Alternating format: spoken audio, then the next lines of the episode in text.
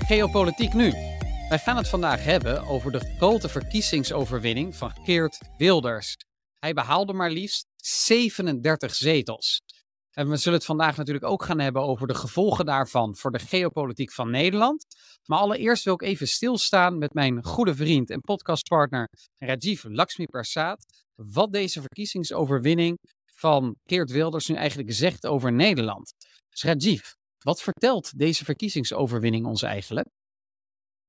Wat ik denk is dat heel veel Nederlanders vinden dat migratie of het migratieproblematiek heel groot is en dat dat vooral aangepakt moet worden.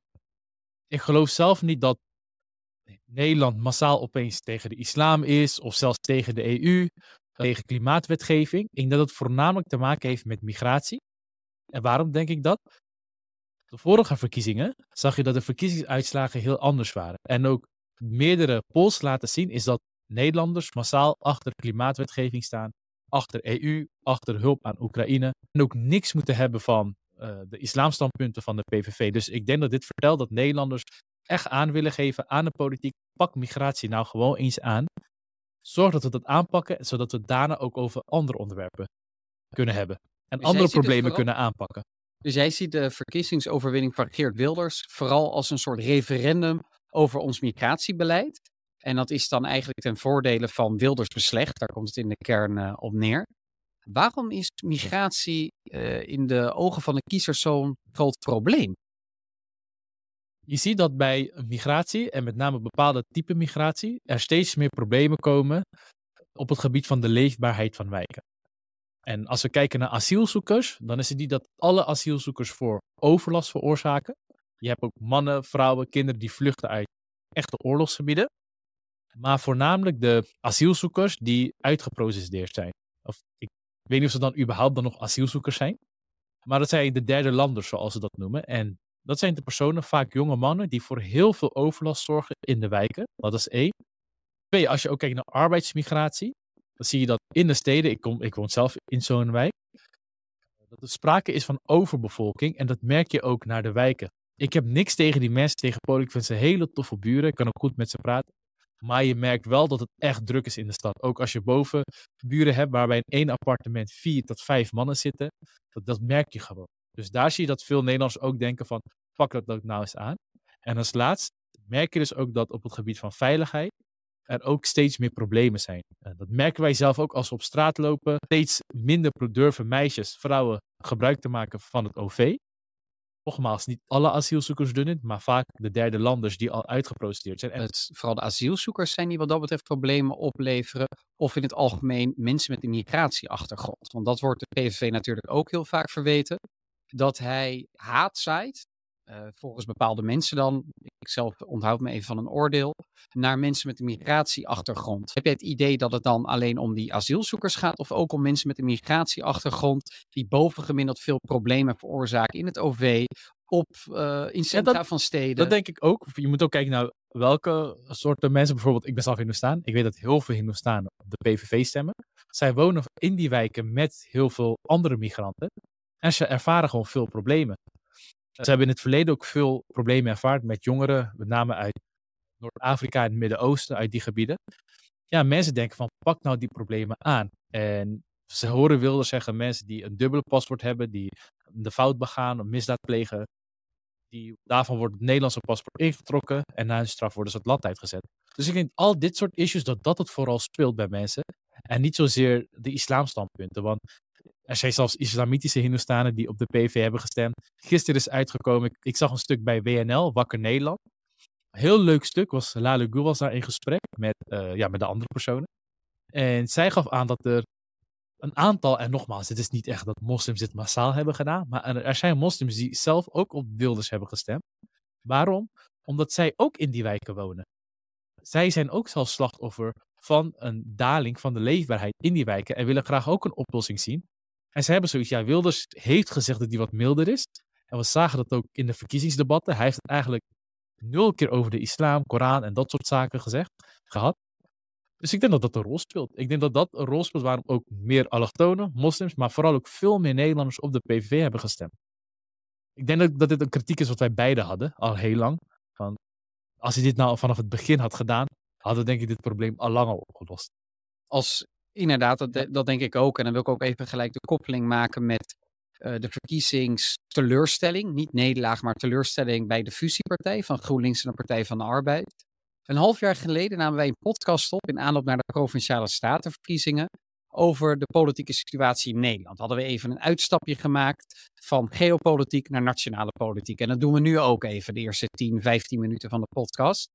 En daarin benadrukte ik ook dat het voor GroenLinks en de Partij van de Arbeid tezamen bijna onmogelijk zou zijn om de lagere klasse aan te spreken. En dat heeft te maken met wijze van communiceren, maar dat heeft ook te maken met inhoudelijke standpunten. En we zagen in de campagne eigenlijk stelselmatig terug dat Timmermans probeerde bredere groepen kiezers aan te spreken, maar dat het altijd ging om de combinatie van rechtvaardigheid en bestaanszekerheid en klimaat. En dat is op een gegeven moment klimaatrechtvaardigheid gaan eten. En dat sluit totaal niet aan bij de leefwereld van iedereen die niet een HBO of universitair diploma heeft. Mijn familie, die zelf uit de lagere klasse van het land komt, overweegt echt niet als iemand een pleidooi houdt voor klimaatrechtvaardigheid om de Partij van de Arbeid te stemmen. Of wanneer hij het heeft over klimaatpaniek en de klimaatcrisis. Het gaat er niet om dat het geen issue is, maar het primaire issue is dat jij graag wilt dat je veilig over straat kunt. En dat ik jij denk wilt ook, dat je je dochter naar de winkel kunt sturen zonder dat zij terugkomt met een verhaal dat ze voor hoeren is uitgescholden. En we zien eigenlijk terug dat de Partij van de Arbeid van oudsher die partij was die opstond voor de lagere klasse, totaal niet een beeld heeft bij de leefwereld, de leefwereld van deze mensen. En dat is echt een groot probleem. En dat vrees ik ook wel voor de toekomst. Want ik zie het eigenlijk niet zitten dat Nederland stapje voor stapje rechtsconservatiever wordt. Als ik even mijn eigen mening daarbij mag geven. Want ik denk ook niet dat de PVV met adequate oplossingen komt. dat denk Dat ik geloof ik niet. Ik Nee. denk ook dat het eerder zo is eh, dat veel mensen op de PVV stemden om de VVD, NSC en BBB te dwingen over rechts te regeren. En dat kwam helemaal voort uit het migratiebeleid van Nederland dat niet goed is aangepakt. En ook nog eens, in mijn ogen, niet succesvolle integratiebeleid. En nu is het inmiddels helder, denk ik, voor iedereen. Niemand kan er meer omheen. eh, dat de kiezer zich genoodzaakt voelde tot een absolute noodkreet. Ja, dat zie je altijd. Als ja, mensen geven eerst hun problemen aan. Als je ze negeert, dan gaan ze schreeuwen. Ja, en als je ze dan nog negeert, gaan ze allerlei rare dingen doen. Nou, dat zie je hier ook gebeuren. Niet dat ik het per se raar vind dat mensen nu op de PV stemmen. Maar inderdaad, de Partij van de Arbeid was de partij dat als kerntak had het verbeteren van de leefwereld van de werkende klasse. We leven niet meer in een industriële samenleving, la tijdens de industriële revolutie.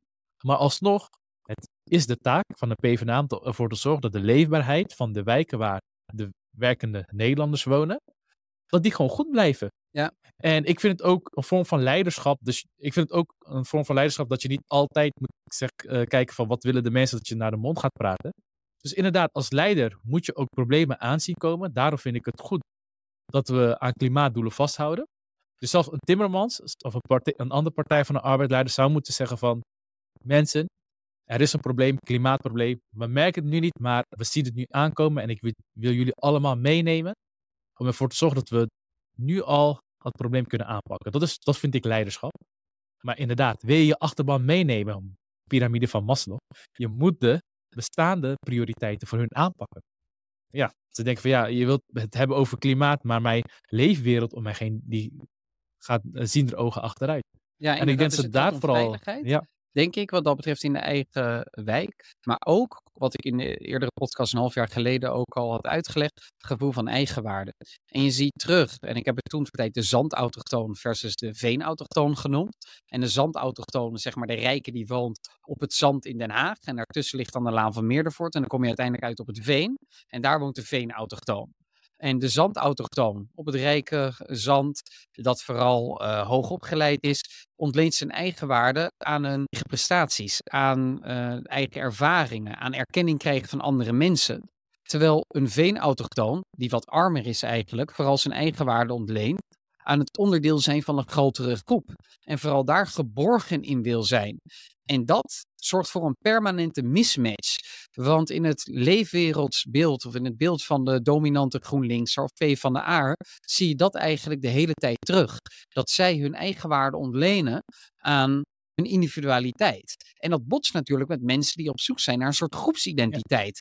En daar zijn dan als Partij van de Arbeid deelt dat wereldbeeld van die GroenLinks er centraal stelt, waar het vooral moet gaan om jouw individuele prestaties, dan raak je allerlei kiezers aan de andere kant van de laan van En- eerder voor kwijt. Het kan ook zijn als ik naar veel jongeren kijk, of zelfs Extinction Rebellion.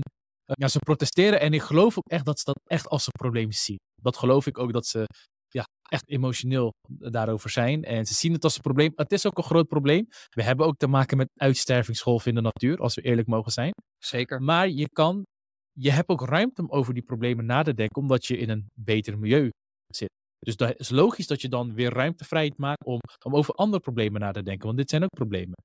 Maar inderdaad, wil je die achterban, het groot deel van de Nederlanders meekrijgen, zorg ervoor dat zij eigenlijk ook die ruimte krijgen om over klimaatproblemen na te denken. Precies. Want zolang hun leefwereld achteruit gaat, bestaanszekerheid, dus ze zien hun inkomen, hun koopkracht dalen, ze zien onveiliger worden op straat, in het OV horen ze verhalen, ze horen het van hun eigen dochters, zusjes, ja, ja dan, hebben zij, dan hebben zij andere problemen aan hun hoofd. En vooral als jij dan dat niet heel erg adresseert en zelfs soms nog ontkent. Maar toch even ook een kritische noot. Is de kiezer niet op een bepaalde manier ook onverstandig om nu over rechts te willen regeren? Aangezien rechts nou niet echt bekend staat om solide sociaal-economisch beleid dat aansluit bij de lagere klasse. Ik denk dat er een, tuurlijk, de burgers moeten, ja, die zoeken een uitweg. Dus ja, dan kijk je wat de opties zijn. Maar je ziet het ook in de partijen die ze hebben gekozen. Want er waren meerdere rechtse partijen. Je hebt rechtse partijen die conservatief, op, op, het gebied van normen en waarden wat rechtser zijn, conservatief. Eh, maar op het gebied van economisch beleid en bestaanszekerheid, verzorging staat centrum links. PVV is zo'n voorbeeld van. Die heeft. Ja, of heb ik daar wel nou, of ze in het echt bij? zo zijn, is iets anders, maar hoe is het beeld wat ze hebben? Ja, ze hebben dat beeld gecreëerd. Maar als je gaat kijken naar het voorgestelde sociaal-economische beleid van de PVV, dan zijn ze helemaal niet zo Ja, maar links. eh, we gaan het even hebben over het beeld. Ja, dus dat beeld hebben ze bij burgers. Bij NSC van Pieter Omtzigt hetzelfde. Mensen hebben daar ook het beeld van. Hij is op het gebied van migratie en normen en waarden conservatief. Op het gebied van sociale zekerheid is hij centrum links. Bij BBB hebben mensen ook dat gevoel. Je ziet bij andere rechts, nieuwe rechtse partijen die echt rechts zijn, zowel op sociaal-economisch gebied als op het gebied van normen en waarden. Ja21, BVNL, FVD, die zijn allemaal klein gebleven. Dus ik denk dat de burger, natuurlijk, de burger bestaat niet. er zijn 16 miljoen, 17 miljoen Nederlanders. Uh, maar over het algemeen wel zoiets hebben gedacht van we willen op een partij stemmen die sociaal-economisch centrum links is, maar op het gebied van migratie rechts. En dan heb je drie opties. Je hebt PVV, uh, NSC en de BBB. En natuurlijk eigenlijk ook het CDA. Uh, Ja, maar CDA heeft natuurlijk de afstraffing van het verleden nog te pakken. Dus zo Maar denk ik dat ze het hebben proble- eh, proberen te mitigeren. Misschien de komende problemen. En ervoor te zorgen dat er niet ook een al te rechts economisch beleid komt. Ja, want dat vreest de kiezer denk ik wel. Dat Ja. blijkt ook uit alle kiezersonderzoeken dat eigenlijk bijna alle Nederlanders zijn voor een streng migratiebeleid.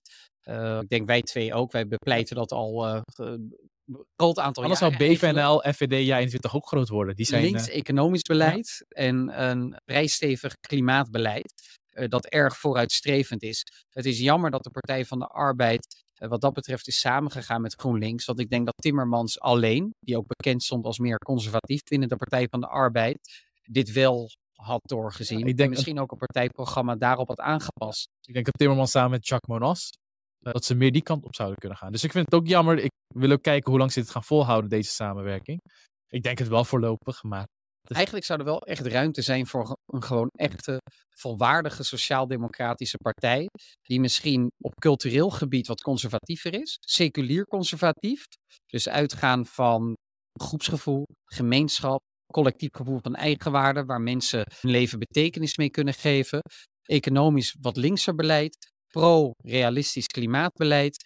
En tegelijkertijd ook zorgen eh, voor regeerbaarheid van het land. Want dat is natuurlijk ook wel iets waar het bij de PVV aan ontbreekt. Want daar hebben we tot nu toe nog Ik denk kritiek zelf- op gehad. ja, ik, Maar de Ja. PVV is natuurlijk wel een partij die bestaat uit één man, die geen kader heeft opgebouwd, die absoluut geen verstandige bestuursleden kan terugbrengen, bewindsvoerders. Je kunt ook echt niet, denk ik, verschillende ministeries aan die partij toevertrouwen. Je kunt zelfs niet een formatieproces aan die partij toevertrouwen. Dat zien we nu met Van Strien, die na een dag eigenlijk aangesteld te zijn al weg moet. Dus hierin zie je eigenlijk wel het animo, de voedingsbodem voor een seculier conservatieve partij die economisch wat linkser is, die is er overduidelijk. Sterker nog, ik denk zelfs dat het in grote delen van de wereld zo is. Als je kijkt vlak na de Tweede Wereldoorlog, ook naar de landen die onafhankelijk werden.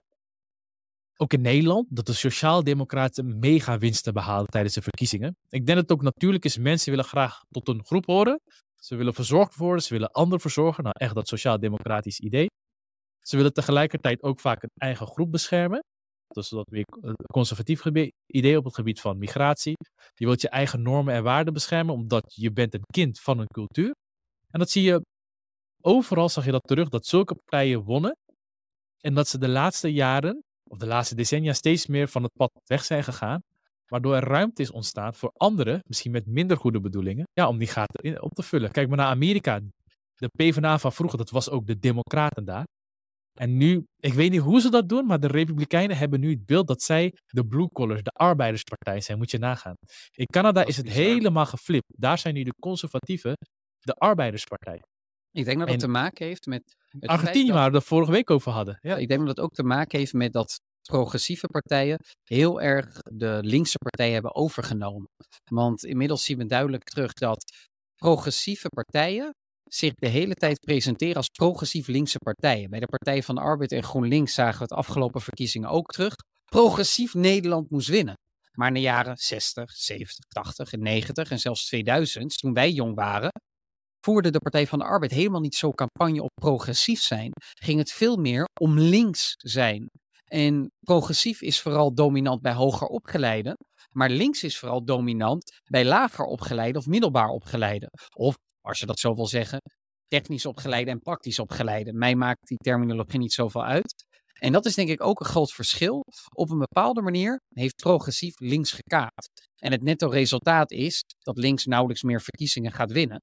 Dus zij hebben nu eigenlijk de keuze of de Partij van de Arbeid en GroenLinks komen terug bij de onderklasse van de samenleving en proberen die ook een culturele geborgenheid aan te bieden. Ik denk dat vooral, want we hebben niet echt een onderklasse meer in Nederland. Natuurlijk hebben we nog steeds. Ja, we hebben een onder, maar ik bedoel, qua, Vind qua industrie. Die stellen die, dat wij geen onderklasse hebben. Nee, maar ik bedoel, zo groot als in de tijden van de industriële revolutie, waar bijna de helft daar, van de bevolking daaruit bestond. Oké, dat is waar. Maar ja, of laat ik zo zeggen, bedoel ik het. klasse. Ja. Toen ik zelf opgroeide, had ik heel sterk door dat ik tot de lage klasse behoorde. Ik weet natuurlijk dat de sociale mobiliteit groter is dan ten tijde van de industriële revolutie. Daar ben ik me helemaal bewust van.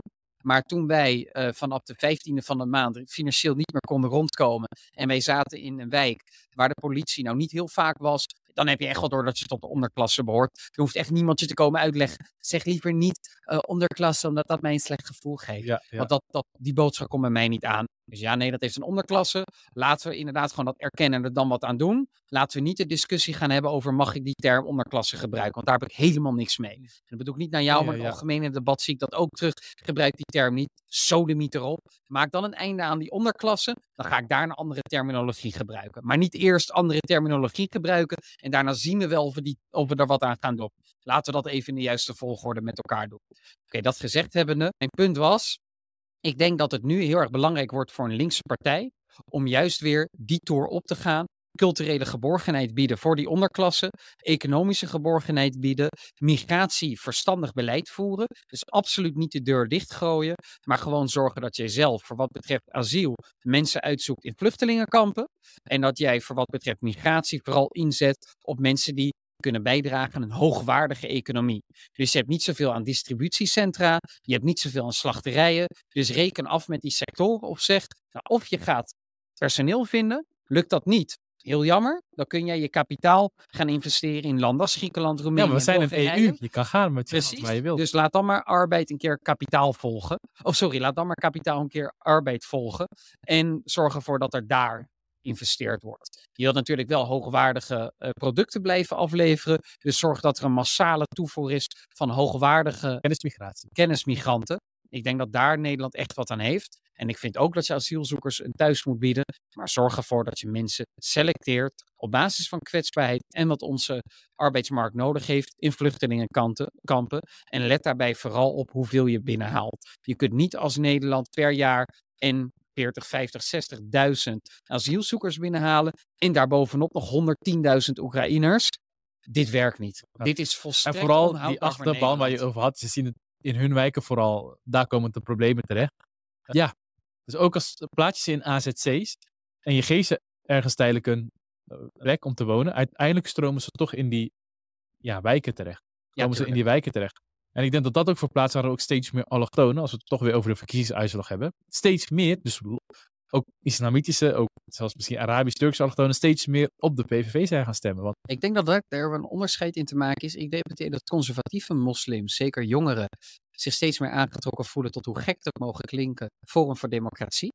En dat bijvoorbeeld heel seculiere moslims, eh, uit Turkse hoek bijvoorbeeld, zijn er niet heel veel die op de PVV stemmen. Maar als ze op de PVV stemmen, dat ze wat seculierder zijn. Van Turkse en Marokkaanse afkomst. Bij Surinamers, Antillianen zie je überhaupt wel een grotere voorkeur voor rechts, vergeleken met andere migrantengroepen. Eh, dus ja, het is interessant om te zien hoe zich dat verder gaat ontvouwen. Het leuke is wel dat je inmiddels ook ziet dat heel veel hoogopgeleide knijter rechts aan het stemmen zijn. En dat moet misschien ook wel ergens wat zorgen baren. Want ik heb niet het idee dat de oplossingen voor de problemen van Nederland uit de koker van de PVV zullen komen. dat denk ik zelf ook niet. Nee, dat denk ik zelf ook niet. Ik heb wel meer vertrouwen in NSC. Ik ben blij dat zij meepraten. Ja, Eh, dus ik denk echt, ik denk dat veel Nederlanders ook dachten, we gaan op de PVV stemmen, zodat dit probleem wordt aangepakt. Ik vond het daarom zelf, heel ethisch gezien, even los van partijpolitiek, ook niet, daarom niet handig wat Dylan deed. En dat ze zei van, ja, ik ga niet met de PVV in zee of ik ga niet in het kabinet. Ik denk dat je juist het beeld geeft aan al die mensen van, waarschijnlijk was ons signaal nog niet krachtig genoeg. Misschien moet ons signaal nog krachtiger worden. Ik zou het denk juist handig denken, het is partijpolitiek goede strategische keuze, maar echt voor het land, moreel, ethisch gezien, denk ik van, nee, nee dan is het niet een gezonde... Nou ja, ergens Ja. vind ik het ook wel moreel te rechtvaardigen. Namelijk, je bent door drie partijen in verkiezingen gesloopt. Ja. Die nu met jou in een kabinet willen stappen. En dat je dan gewoon zegt, oké, jullie wilden zonder ons, prima. Jullie zijn groot geworden, wij ook wel enigszins, maar jullie zijn heel groot geworden, mede door ons beleid. Laat het nu maar zien. Laat maar zien welke goede mensen jij kunt leveren, PVV. Je hebt ongeveer 15 jaar lang ons beleid afgekraakt. Met name de laatste 11 jaar, Ja. toen ze niet in de gedoogcoalitie zaten. Laat het nu maar zien. En ik denk op een bepaalde manier wil eh, Dylan Jessogus Geert Wilders gewoon met de billen bloot laten gaan. En ik denk dat dat ergens wel een verstandige keuze is, omdat Wilders nu eigenlijk op zijn knietjes naar de VVD terug moet komen van alsjeblieft regeer mee, we hebben je zetels nodig. Maar wat we eigenlijk het meest nodig hebben, zijn geschikte bewindslieden. Denk en je die dat, kan de PVV gewoon niet leveren. maar denk je als de VVD dan mee zou doen? We gaan het zo meteen hebben over de geopolitieke aspecten hoor. Maar denk je als de VVD mee zou doen, dat het ook op sociaal-economisch gebied wat rechtser zal gaan? Of denk je van nee, de V- je ziet duidelijk verschil met VVD van Dylan en VVD van Mark Rutte? Dylan Jessogus heeft ook al ietsje meer ingezet op bestaanszekerheid. Maar de VVD zal altijd een eh, ja, economisch, sociaal-economisch rechtsbeleid blijven bepleiten. Dus ja, ik denk inderdaad als de VVD het kabinet instapt, wat ik uiteindelijk wel verwacht, dan zal, dat- het, ja. dan zal het economisch wat rechtser zijn. Ik denk ook dat het een meer partijpolitieke keuze was, die ook moreel te rechtvaardigen was, namelijk PVV laat het maar zien. Maar dat uiteindelijk de VVD in de coalitie, zal stappen met de BBB en NSC en dat de PVV alsnog gaat gedogen. Hoe gek het nu ook mogen klinken, ik denk uiteindelijk dat de PVV, en met name Geert Wilders, want de PVV is Geert Wilders, wat dat betreft ook heel erg onfris en onverstandig om bij eh, iemand in, in, in handen laten liggen van één iemand. Maar dat de PVV eh, zich ook wel realiseert dat zij niets kunnen voortbrengen waar een kabinet iets aan heeft. Zij hebben niet de geschikte mensen, ze hebben niet de geschikte ervaring en zij hebben ook geen uitgewerkt partijprogramma. Dus ik weet dat, denk ik tenminste, dat Geert Wilders zich dit realiseert. En dat hij daarom ook voorsorteert op eigenlijk een positie dat hij kan gedogen. Dat de VVD, NSC, BBB in een coalitie kunnen gaan Dan zitten. heeft VVD wel de grootste aantal zetels. Dan heeft VVD het grootste aantal zetels. En dat wie dan premier wordt, dat vind ik nog even lastig in te schatten. dan, Ja. Misschien dan toch Dylan, naar, naar een smeekbede van Geert Wilders. Of wellicht iemand anders die uit de hoge hoed getoverd wordt. Maar dat is mijn voorspelling nu. Vooral ook omdat nog los van dat Geert Wilders niemand kan leveren voor het kabinet. Dat is nog tot daaraan toe, want dan kun je wellicht ook Kees van der Staaij aan proberen te stellen. Of iemand anders buiten de partij. Maar vooral niemand die een fractie van 47 leden kan leiden. 30. Ja. 37. Eh, leden. sorry, 40 zou nog... eh, Ja, ja, ja, 37 leden kan, eh, kan leiden. Zo iemand kan hij niet leveren. Klopt. Er zit ook niemand in de fractie die dat kan. Nee, zelfs de Agema en eh, Bosma zouden het ook niet kunnen. Nee. En er zitten nog ook eens allemaal nieuwe fractieleden in, van wie nog maar ja, bekend moet worden hoe zij tegenover de politiek staan. Ja, maar veel van die leden waren ook soort van lijstduwers. Het was van, ja, zet me maar op. Ik kan lokaal wel stemmen regelen. Ik denk dat veel van die lijsttrekkers ook niet dachten dat ze in het Kamer terecht zouden komen. En volgens mij zat er ook iemand bij op plaats 36, 37, die van Farmers Defence Force was.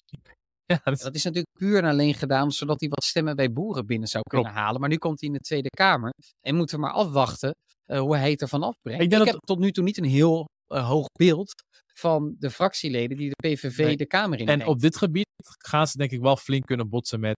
Ik denk zelfs dat eh, PVV en BBB flink kunnen boksen met NSC. Want om zich heeft vaker aangegeven dat hij het stikstofproblematiek wel echt als een probleem ziet. In tegenstelling tot de. BBB ontken- onderkent het ook, alleen die heeft echt hele andere oplossingen. PV die ontkent het helemaal. Dus eh, om zich heeft ook gezegd, ik heb geen behoefte om eh, het hele stikstofproblematiek te ontkennen. Ik heb überhaupt geen behoeftes om problemen te ontkennen. Eh, Nee. dus dat wordt wel, dat vind ik heel goed. Dat vind ik ook een heel goede manier van kijken naar de politiek. Van, er is geen enkel zin, geen enkel toegevoegde waarde om problemen te ontkennen. Nee, nou, Ja. laten we de stap zetten vanuit problemen erkennen Ja. naar geopolitiek.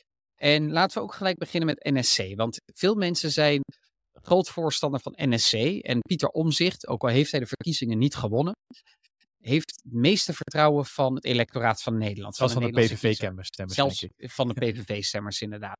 Sterker nog, ik denk dat heel veel PVV-stemmers volgende keer gewoon weer VVD en NSC zullen stemmen. En NSC erkent dus de problematiek van stikstof. Ze erkennen de problematiek van bestaanszekerheid, ook van migratie, Klimaat ook. klimaat inderdaad. Maar op één terrein ben ik het eigenlijk heel erg met NSC oneens.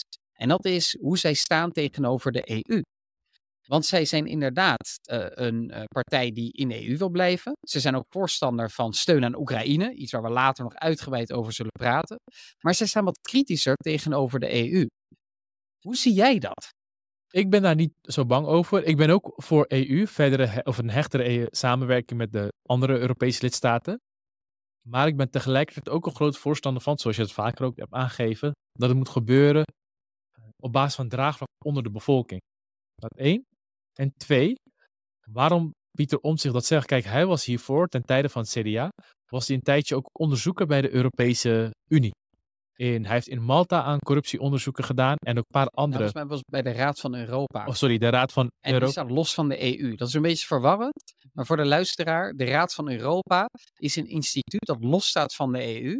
Waar ook leden als Turkije en Rusland lid van zijn of waren. Rusland geval het verleden, nu niet meer. En die dan onderzoek doet naar de democratie en de rechtsstaat in verschillende Europese landen. Ja, in ieder geval, hij heeft dat gedaan. Hij is naar landen gegaan, waaronder in Malta heeft hij zelfs, ik weet niet of dit de premier ter val heeft kunnen brengen, maar flinke schade kunnen eh, berokkenen. Omdat hij had onderzocht dat er best wel flinke corruptiezaken hingen aan de premier. Nou, hij heeft dus iemand die niet alleen praat, vind ik, over de EU, maar ook zelf doet. Hij is zelf daar naartoe gegaan. Hij heeft geprobeerd het beste van te maken, proberen de situatie ter plekke te verbeteren. En op basis van zijn ervaringen daar, nogmaals, op basis van echte ervaringen, niet op basis van praatervaringen, is hij met deze conclusies gekomen. En wat zijn zijn conclusies? Is niet minder EU. Hij zei alleen, we moeten kritischer omgaan met talen, maar vooral het overhevelen van soevereiniteit aan de EU, omdat het in andere delen binnen de EU er heel anders mee om wordt gegaan. Dat is denk ik wat hij probeert aan te geven. Tuurlijk. En Ja. ik voel daar heel veel voor. Dat jij eerst wil dat andere landen zich rechtsstatelijk gedragen, economisch verstandig, alvorens je ze geld geeft en macht samen met hen gaat delen. Vandaar ook dat ik vaak bepleit heb dat wij pas gaan centraliseren op het moment dat daar draagvlak voor bestaat en dat het op democratische wijze moet gebeuren. En dat dat ook een van mijn bezwaren is naar de EU toe. Maar wat ik heel erg vind ontbreken bij NSC is een visie hoe die EU er uiteindelijk uit moet komen te zien. Je kunt niet alleen maar aangeven die centralisatie moet democratisch gebeuren, waar ik het mee eens ben, waar ik ook lange tijd voor gepleit heb, en dat die EU uiteindelijk democratisch is. Je moet ook aangeven welke taken je graag wil beleggen bij de EU. En als je dan kijkt naar vijanden, zou ik het zeggen, vijandige mogendheden, of in ieder geval rivalen in de geopolitiek, zoals Rusland, maar ook Turkije en eh, China, dan denk ik dat als jij niet als EU samenwerkt, je maar een heel beperkte stempel op de wereld kunt drukken. En dat onze indirecte invloed binnen de EU groter is dan onze directe invloed op de wereld. Dat denk ik zelf ook. En Daar vind ik de visie van NSC eigenlijk wel tekortschieten. Ik ben het eens met hen op het gebied van migratie. Ik ben het eens op het gebied dat je een verstandig klimaatbeleid moet houden, op bestaanszekerheid. Ik ben zelf economisch denk ik ietsje linkser.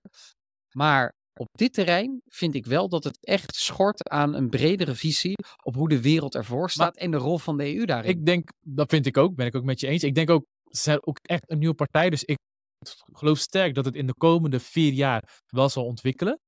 Dat denk ik wel s- zelf sterk. Maar jij was laatst naar een verkiezingsdebat gegaan van BNR, hier aan de Universiteit Leiden. En daar was ook een buitenland woordvoerder van NSC aanwezig, samen met buitenland woordvoerders, ik dacht van de VVD en Klopt, er waren, dat was inderdaad het eh, debat van BNR, on- de nieuwsradio, onze concurrent soort van. En die was georganiseerd tussen allerlei woordvoerders van de partijen die wat, die wat groter waren in de peilingen. Dus daar was Kati Piri namens de Partij van de Arbeid, Caspar Veldkamp namens NSC, Gijs Tuinman namens de BBB, Ruben Brekelmans namens de VVD en dan nog de vijfde, dat was Paternotte namens D66 inderdaad. En dan werd uitgebreid gedebatteerd over de geopolitiek en buitenlandse zaken van Nederland.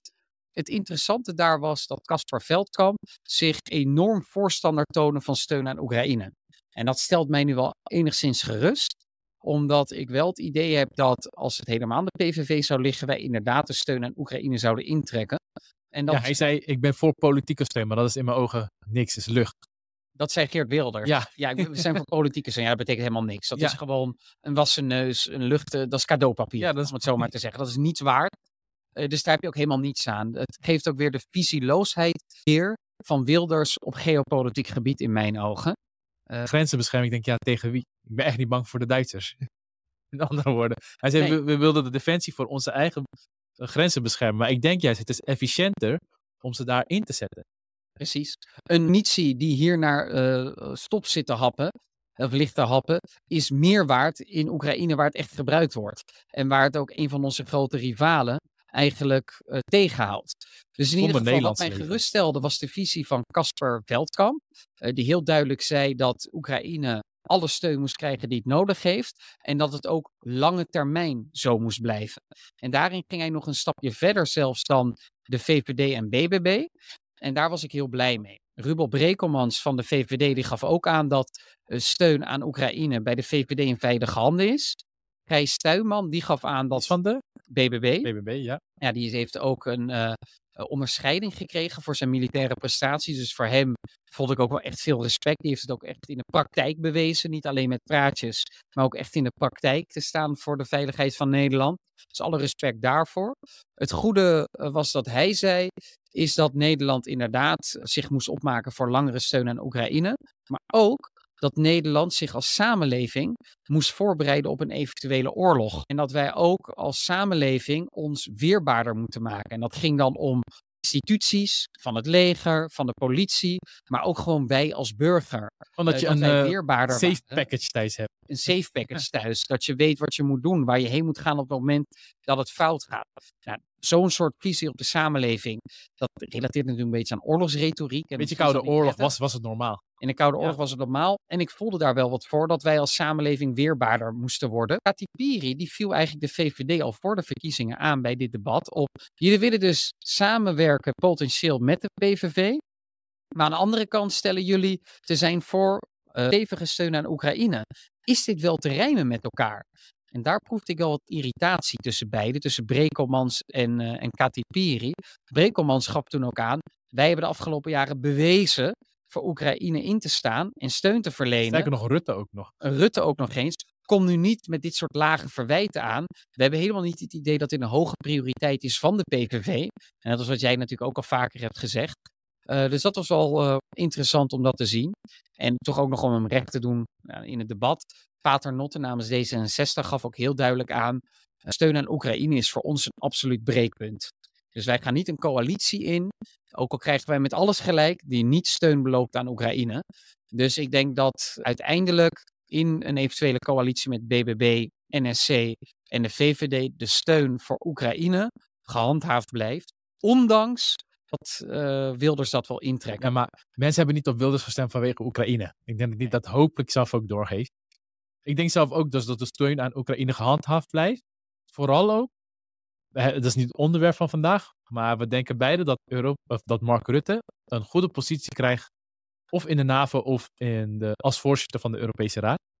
En ik, denk zelf uiteindelijk dat hij naar de EU ingaat en niet de NAVO ingaat. Oké, dan in de NAVO ingaat. Maar daar geldt hetzelfde voor. Uh, maar dat hij daar ook zijn invloed in binnen Nederland zou gebruiken om ervoor te zorgen dat Nederland alsnog de nummer één land blijft dat steun wil geven aan Oekraïne. Want zo staan we tot nu toe bekend in de EU, dat we een van de grootste voorvechters zijn. En ik samen met Verenigd Koninkrijk en Polen. Ik weet niet hoe het Polen nu voor staat, maar kunnen we het een andere keer over hebben. Maar nog één vraag aan jou. We hebben in de verkiezingen heel veel thema's voorbij zien komen. Eh, rondom zorg, bestaanszekerheid en migratie. Maar geopolitiek en buitenlandse zaken zijn eigenlijk heel weinig besproken geweest. En het maakt voor mij ook weer helder dat als jij intern de zaken niet op orde hebt, jij eigenlijk extern ook niet echt een vuist kan maken. Omdat het gewoon onvoldoende besproken is, is onvoldoende bewustzijn over en onvoldoende overeenstemming. Los eerst de problemen thuis op, ga daarna buiten de deur maar laten zien wat je wilt. Heb je nu ook het idee dat het in Nederland eigenlijk schort aan zo'n bredere geopolitieke visie? Ja, en dat het ook het nieuwe kabinet zal teisteren, zo'n gebrek aan visie op het geopolitieke toneel? Dat denk ik wel. Eh, ik denk wel dat we dat hoop, misschien ook een beetje naïeve hoop, dat we dat steeds meer aan het ontwikkelen zijn, vooral sinds Rusland Oekraïne was binnengevallen.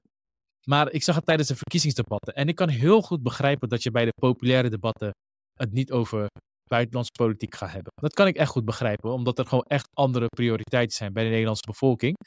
Maar los van de grote debatten heb je vaak op tv van die deeldebatten. Je hebt zorgdebat, je hebt woondebat heb je gehad. Daar zou het juist handig zijn om ook een buitenlanddebat te hebben. En een beetje wat bekender dan hier aan de universiteit bij de trappen. Dat mis ik echt van. Ik volg ook de Amerikaanse verkiezingen. Ik vind het gewoon heel interessant. Uh, en ook in India, maar laten we even Amerika hebben, dat veel mensen kunnen zich daaraan relateren. Daar is dat wel echt een onderwerp van discussie. Bij alle grote presidentsdebatten is bijna een derde van de tijd wordt besteed aan het buitenlandbeleid.